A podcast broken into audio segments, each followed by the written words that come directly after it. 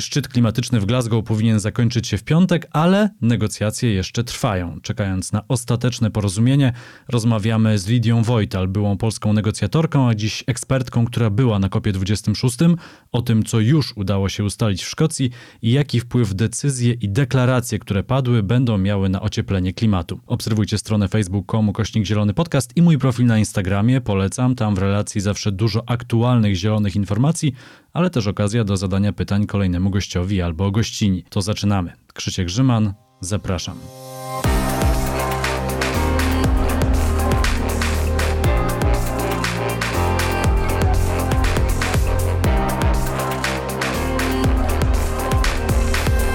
Gościnią Zielonego Podcastu jest Lidia Wojtal, ekspertka do spraw polityki klimatyczno-energetycznej think tanku Agora Energiewende, była polska negocjatorka klimatyczna, no i uczestniczka szczytu COP-u 26. Dzień dobry. Dzień dobry Państwu. E, rozmawiamy jeszcze przed końcem i przed ogłoszeniem ostatecznych e, konkluzji szczytu e, w Glasgow, no ale mamy kolejne drafty, które do nas docierają. Drafty, czyli te wersje robocze dokumentu, który później zostanie zaakceptowany. Ten szczyt, nie chcę używać słów sukces, porażka, ale czy to jest krok do przodu, duży krok do przodu, jeżeli chodzi o politykę klimatyczną na poziomie światowym?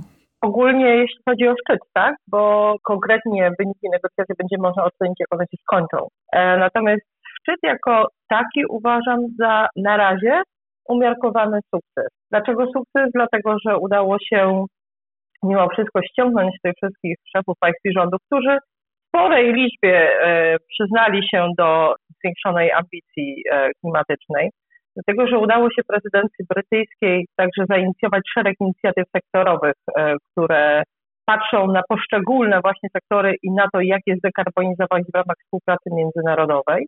E, I dlatego, że ten szczyt w ogóle się odbył, bo wokół tego e, też było bardzo dużo niepewności i mało tego, naprawdę każdy uczestnik, który jest formalnie za, zarejestrowany ten szczyt, dostał możliwość przetestowania się codziennie rano w ramach właśnie wejścia na COP.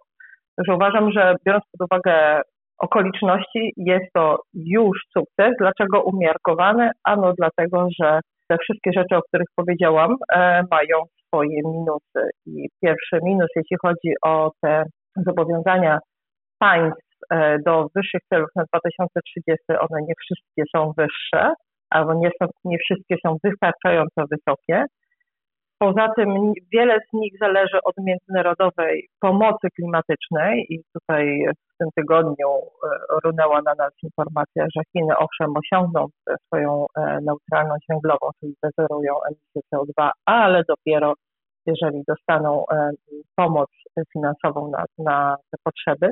I wiele z tych celów, które zostały zgłoszone wyższych na 2030 rok, jest, ma takie swoje jakby dwie warstwy. Jedna jest bezwarunkowa, mówiąca o tym, że my zredukujemy powiedzmy o 15% y, przy użyciu naszych własnych środków finansowych, natomiast jeśli dostaniemy wsparcie, to, to ten cel y, redukcji będzie wyższy. Jeśli chodzi o inicjatywy sektorowe, ja się bardzo cieszę, że one są i mam nadzieję, to jest właśnie chyba ten najważniejszy punkt, że one po pierwsze przetrwają, czyli będą żyły poza, poza Glasgow i będą miały jakąś swoją kontynuację i faktycznie wdrożenie na poziomie międzynarodowym się rozwinie, tylko po prostu nie mamy co do tego pewności na tym etapie. No i trzecia rzecz, o której mówiłam, to jest ta logistyka i teraz e, jeśli o nią chodzi, to wiedzieliśmy już od samego początku, że jest sporo niedociągnięć, nie wszyscy mogą wejść tam, gdzie by chcieli, chociaż teoretycznie powinni, nie wszyscy są w stanie dolecieć do Glasgow, chociaż chcieli, ale niepewność była bardzo duża do samego końca i obawiam się, że wiele osób, które się zarejestrowało na ten szczyt się na nim nie zjawiło. No i ta ostatnia już e, jakby duża pula niepewności dotyczy tego, co jest obecnie negocjowane, czyli tych e, właśnie tekstu, takiej decyzji przewodniej, która jest podsumowaniem wszystkich jakby, albo próbą podsumowania wszystkich innych najważniejszych tematów tego szczytu. I w tym dokumencie, który teraz jest y, negocjowany, y, chyba po raz pierwszy y, tak naprawdę na czarnej liście znajdują się paliwa kopalne. To pomiędzy tymi draftami też się trochę zmieniało w tej deklaracji. To zostało trochę, nie wiem, czy rozwodnione, czy zmiękczone, no ale mimo wszystko te paliwa kopalne są tam wymieniane. Z drugiego aspektu mamy deklarację większej pomocy dla krajów biedniejszych, coś o czym też się mówi od dawna. Były przecież też fundusze obiecane dla krajów krajów e, rozwijających się, czy krajów e, biednego e, południa. To też się wcześniej nie udało. No, z trzeciej strony jest ta deklaracja, czy, czy zachęta przyspieszenia działań do roku 2030. Czy tak można skrócić na razie to, co w tym dokumencie się znajdzie? Nie do końca. Mhm. Po pierwsze, tak, tak, jest, jest jest trochę tych niuansów pomiędzy kolejnymi tekstami decyzji i zaczynając od paliw kopalnych. Tak, w pierwszym tekście, który zaproponowała prezydencja COP, pojawiło się wyjście z węgla, przyspieszenie wyjścia z węgla oraz wyjście z subsydiowania paliw kopalnych. Ale to był pierwszy draft, prezydencja może sobie pozwolić na prawie wszystko. Pytanie, jak zareagują na to strony. No, strony zareagowały tak, że ku mojemu zdziwieniu, przyznam, e, nie usunęły od, zupełnie odniesienia do wyjścia z węgla, ale mamy w tej chwili zapis, który mówi o wyjściu z e, węgla takiego, który będzie, nie będzie w żaden sposób mitygowany. No jest to po prostu bezpośrednie, e, to jest po angielsku unabated coal, coal, coal power, to jest po prostu odniesienie do węgla spalonego przy zastosowaniu technologii CCS, czyli e, wychwytywania i składowania dwutlenku węgla. Przy paliwach kopalnych jako takich pojawiło się e, określenie inefficient, czyli takie, które są nieefektywne, czyli takie, które zachęcają do podobno do e, nadmiernej konsumpcji. I ten język, te określenia, one są, ja dzisiaj właśnie rano sprawdziłam, są to e, wyrażenie wzięte żywcem z deklaracji G20 przyjętej chwilę przed szczytem właśnie COP26. Także to jest bardzo ciekawe, w jakiej formie, czy to się w ogóle ostanie w ostatecznej formie tego dokumentu i pytanie, na, na ile zostanie on jeszcze rozmięczony czy zmieniony. Także bo podejrzewam, że jednak będzie. No, być może się mylę i tak naprawdę mam, mam nadzieję, że się mylę, ale, ale nie zdziwiłabym się. Teraz jeśli chodzi o finansowanie, to no tutaj obietnice y, wyższej pomocy to, to jeszcze się nie pojawiają w, w, w, tym, w tym tekście. Raczej zachęcają państwa, żeby się zmobilizowały, żeby spełnić ten cel, który do tej pory był, czyli tych 100 miliardów y, rocznie. Natomiast dyskusja finansowa jest też nie tylko o przeszłych celach, tylko też o tym, który ma być w przyszłości po 2025 roku. I jest to cel, e, który ma być wyższy od dotychczasowego. Tylko, że w Glasgow jeszcze nie rozmawiamy o wysokości wsparcia na tym etapie. Wiemy, że on ma być wyższy, ale to jakby tyle. Glasgow tak naprawdę ustanawia, w jakiej formie te negocjacje powinny być prowadzone. Jeśli chodzi o wyższą ambicję, to przedkładanie tych celów na 2030, które mają być wyższe, w tej chwili ten zapis też się trochę zmienił. On mówi, że no do 2022 państwa mają przyłożyć swoje jeszcze wyższe cele. Szczerze mówiąc, nie wiem, czy to się ostanie, czy nie i w jakiej formie, bo rozumiem, że początkowym zamysłem przede wszystkim było to, żeby państwa, których cele do tej pory się nie zwiększyły, chociaż powinny były, zrobiły to przed końcem 2022 roku. Było ich kilka. Obecnie ten zapis odnosi się do wszystkich e, państw. No i nie wiem, no nie wiem, czy, czy państwa, które wysiliły się na tyle, na ile naprawdę mogły, będą w stanie zaakceptować e, dalsze naciski, żeby te swoje cele w przeciągu jeszcze roku przemyśleć i przedłożyć na nowo. Zanim porozmawiamy o atmosferze na szczycie, chciałem jeszcze y, zapytać o porozumienie amerykańsko-chińskie, bo Chiny były wielkim nieobecnym pierwszego tygodnia szczytu y, klimatycznego. Tak przynajmniej to było relacjonowane y, w mediach. No tymczasem pewnym zaskoczeniem było to, że przywódcy Stanów Zjednoczonych i Chin ogłosili, że będą razem pracować, żeby ograniczyć jednak wzrost średnich temperatur no, do tych półtora stopnia, czyli do celu porozumienia paryskiego. Jak to zostało odebrane? W drugim tygodniu negocjacje wchodzą w tę fazę e, takiego, takiego dłubania w tych wszystkich decyzjach i one się stają mało atrakcyjne dla obserwatorów z zewnątrz, bo już nie ma wielkich ogłoszeń ze strony przywódców, a do zamkniętych sal negocjacyjnych po prostu trudno, o ile da się w ogóle dostać. Więc e, to ogłoszenie, to chińsko-amerykańskie dało taki kolejny bodziec e, jakby pole do zrozumienia, że jednak Glasgow coś znaczy. I faktycznie w pierwszym tygodniu no nie było na tym szczycie, ale jego też nie było na G20 i na wielu innych, ponieważ e, z tego co wyczytałam, przywódca Chin od dwóch lat nie rusza się w ogóle z Chin i dla, na potrzeby G26 widocznie wyjątku nie zrobi. W tym przypadku też proszę zauważyć, że on się bynajmniej z Bidenem osobiście e, nie spotkał, tylko mamy e, wynegocjowaną wspólnie e, właśnie taką deklarację współpracy, co oczywiście jest bardzo dobrym sygnałem, dlatego że e, Chiny i Stany w ostatnim czasie nie radziły sobie jakoś specjalnie dobrze ze współpracą, a ta deklaracja pokazuje, że jednak polityka klimatyczno-energetyczna to jest coś, gdzie te państwa pomiędzy swoich różnic i ostatnich zatargów są w stanie znaleźć wspólne pole współpracy. Tam w tej deklaracji nie ma jakoś specjalnie nowych rzeczy, jeśli chodzi o takie obszary, które miałyby wspomóc te negocjacje, jakie się w tej chwili toczą, z wyjątkiem jednej rzeczy, oba państwa zadeklarowały, że przedłożą w 2025 roku cele na 2035 rok. A to oznacza mniej więcej tyle, że oba państwa skłaniają się, żeby te cele, które obecnie oscylują pomiędzy długością 5 a 10 lat, uważają, że cel pięcioletni jest czymś, na co należy stawiać. Także y, ja też obstawiam, że skończy się y, na opcji 5 lat, a nie 10 lat. Dla, może dla wyjaśnienia y, dodam, że pierwsze cele, które zostały przedłożone w 2015 roku przez chociażby Unię Europejską, były na 10 lat, czyli składaliśmy cel, który był od 2020 na, do 2030 roku, natomiast Stany przedłożyły taki cel tylko na 5 lat, czyli do, do końca 2025 roku. I cały czas trwa ta rozmowa o tym, jak długie te cele mają być. I być może się skończą na tym szczycie. No, mam nadzieję, bo wydaje się to dość groteskowe, że, że taka kwestia nie potrafi być rozstrzygnięta przez e, tak długi czas. To zbierając te wszystkie deklaracje, które padły na kopie 26, z jednej strony e, chińsko-amerykańską deklarację, z drugiej strony e, amerykańsko-unijną deklarację, ale tam też dołączyły inne kraje o redukcji emisji metanu. E, mamy deklarację dotyczącą zakończenia wylesiania, też odległą rok 2030. Indie ogłosiły swoje plany neutralności klimatycznej rok 2070, wreszcie odejście od węgla.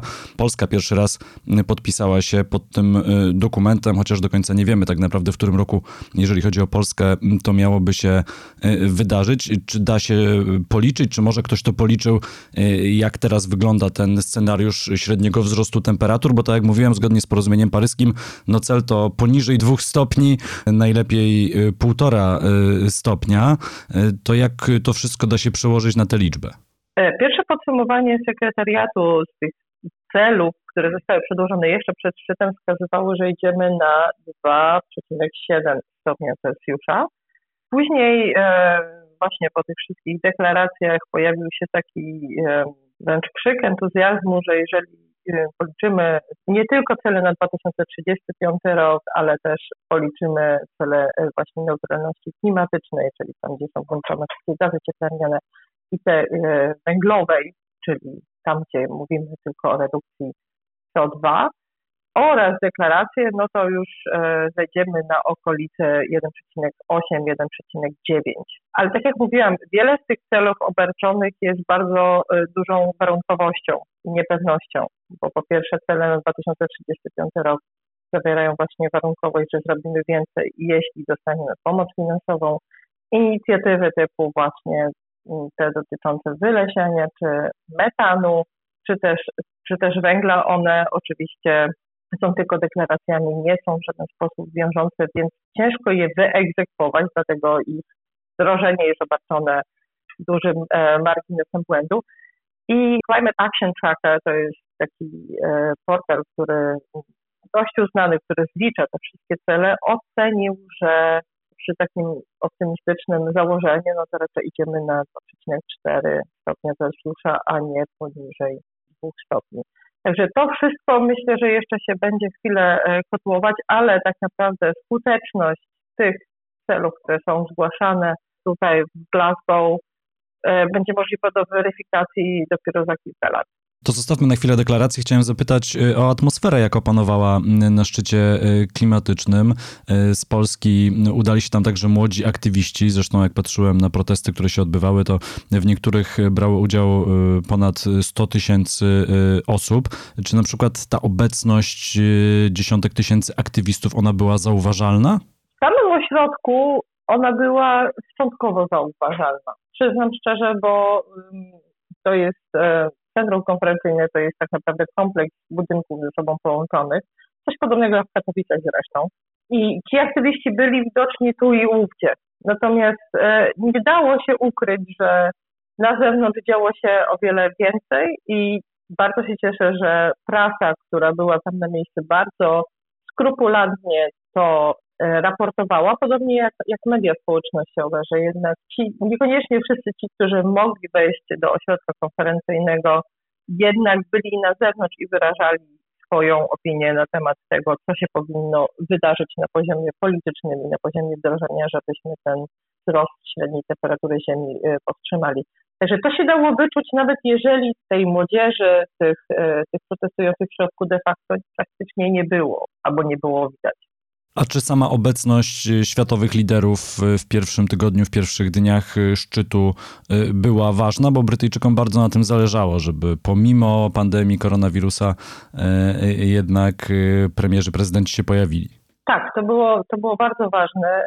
Przede wszystkim dlatego, że faktycznie koronawirus nadszarpnął mocno wiarę także polityczną w to, że że będziemy jednak działać na rzecz klimatu. I to, że przyjechali przywódcy i pokazali, było ich ponad setka, pokazali, że, że jednak ten temat jest dla nich ważny jakby mm, po pierwsze podniósł oczywiście jakby rangę tego szczytu, co jest bardzo istotne dla gospodarza e, tego wydarzenia, ale także pokazał, że, że jakby polityka klimatyczna, ta globalna, ale i ta krajowa, to nie jest coś, co odeszło w zapomnienie, że oni nadal widzą, że jest to temat ważny, że będzie trwało wyścig i polityczny, i technologiczny w tym kierunku e, właśnie dekarbonizacyjnym. A kto jest jeszcze obecny na takich szczytach, pytając o taką trochę kuchnię, bo brałeś udział w, w niejednym tego typu spotkaniu. No, w tych przebitkach medialnych to są zwykle wypowiedzi e, albo organizatorów, albo polityków, no teraz także mm, e, młodzieży.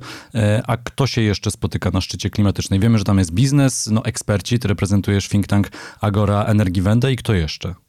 Ja bym raczej zapytała, kogo tam nie ma, bo generalnie już na szczytach chyba widziałam wszystkich łącznie z wielbłądem, więc tak, tak, to był rok chyba 2008 czy 2009.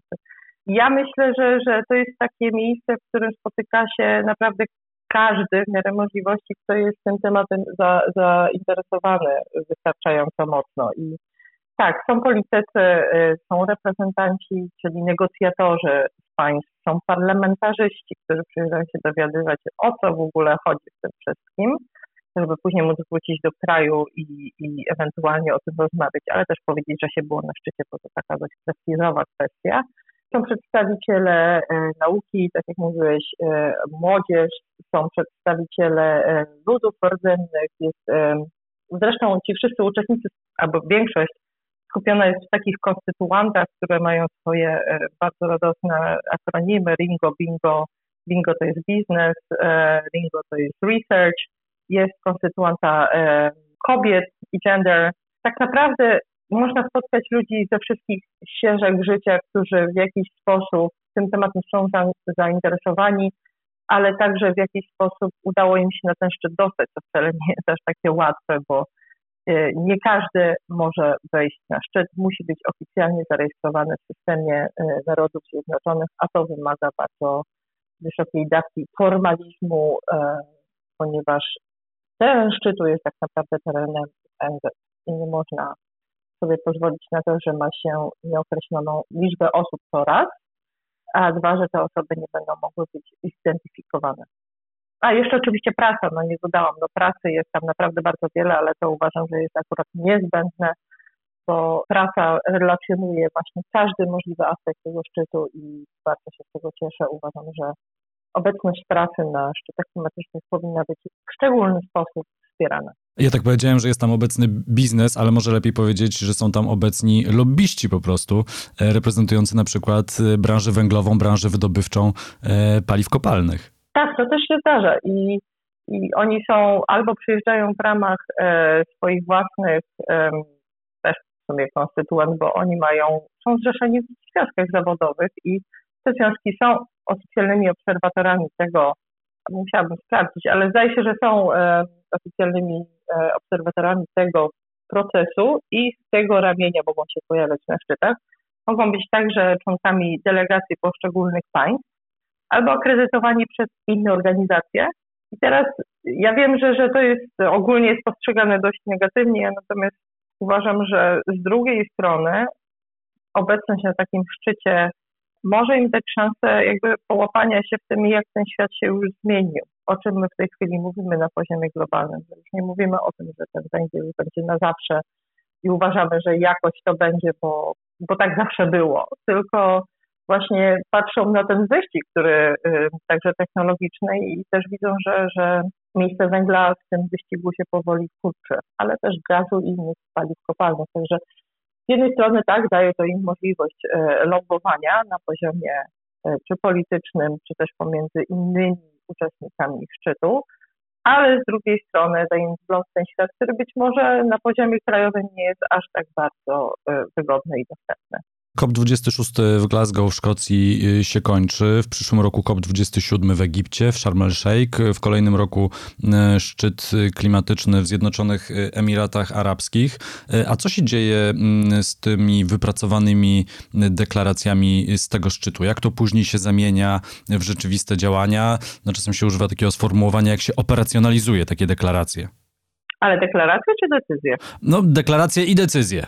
No właśnie, bo tłumacząc różnicę, deklaracje to jest coś, co jest przyjmowane na poziomie politycznym przez państwa, które chcą do takich deklaracji politycznych się dołączyć. I tu mówimy właśnie o tej czy węglowej, czy metanowej, czy dotyczącej wyjaśniania.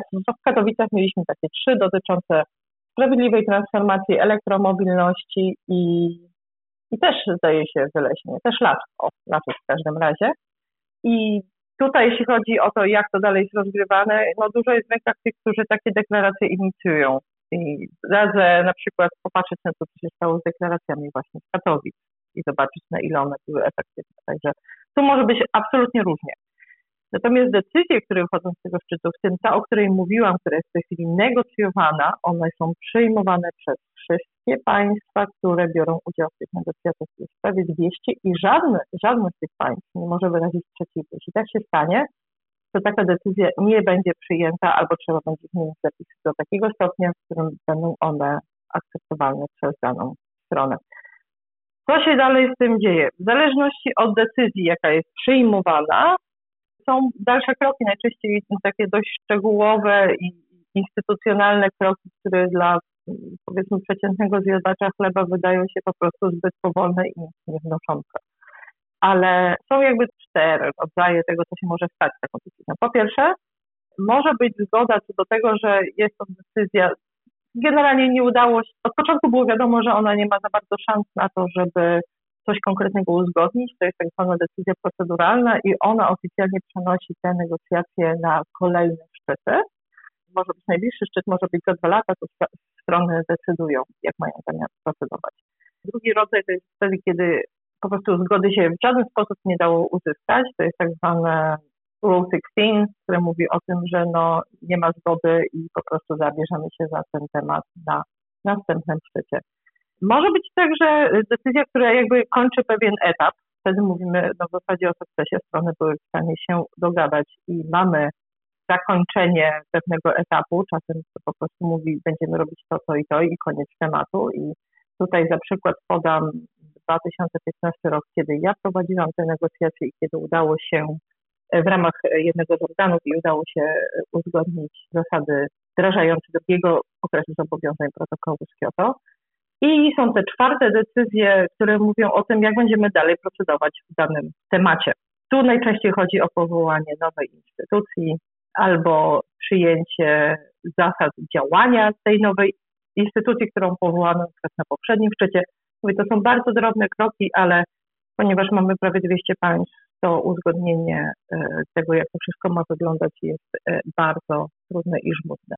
I jeszcze dodam, że takich decyzji właśnie w ramach tych czterech, o których, e, głównych czterech, które teraz tutaj wymieniłam, na każdym szczycie przyjmuje się tak pomiędzy 20 a 50.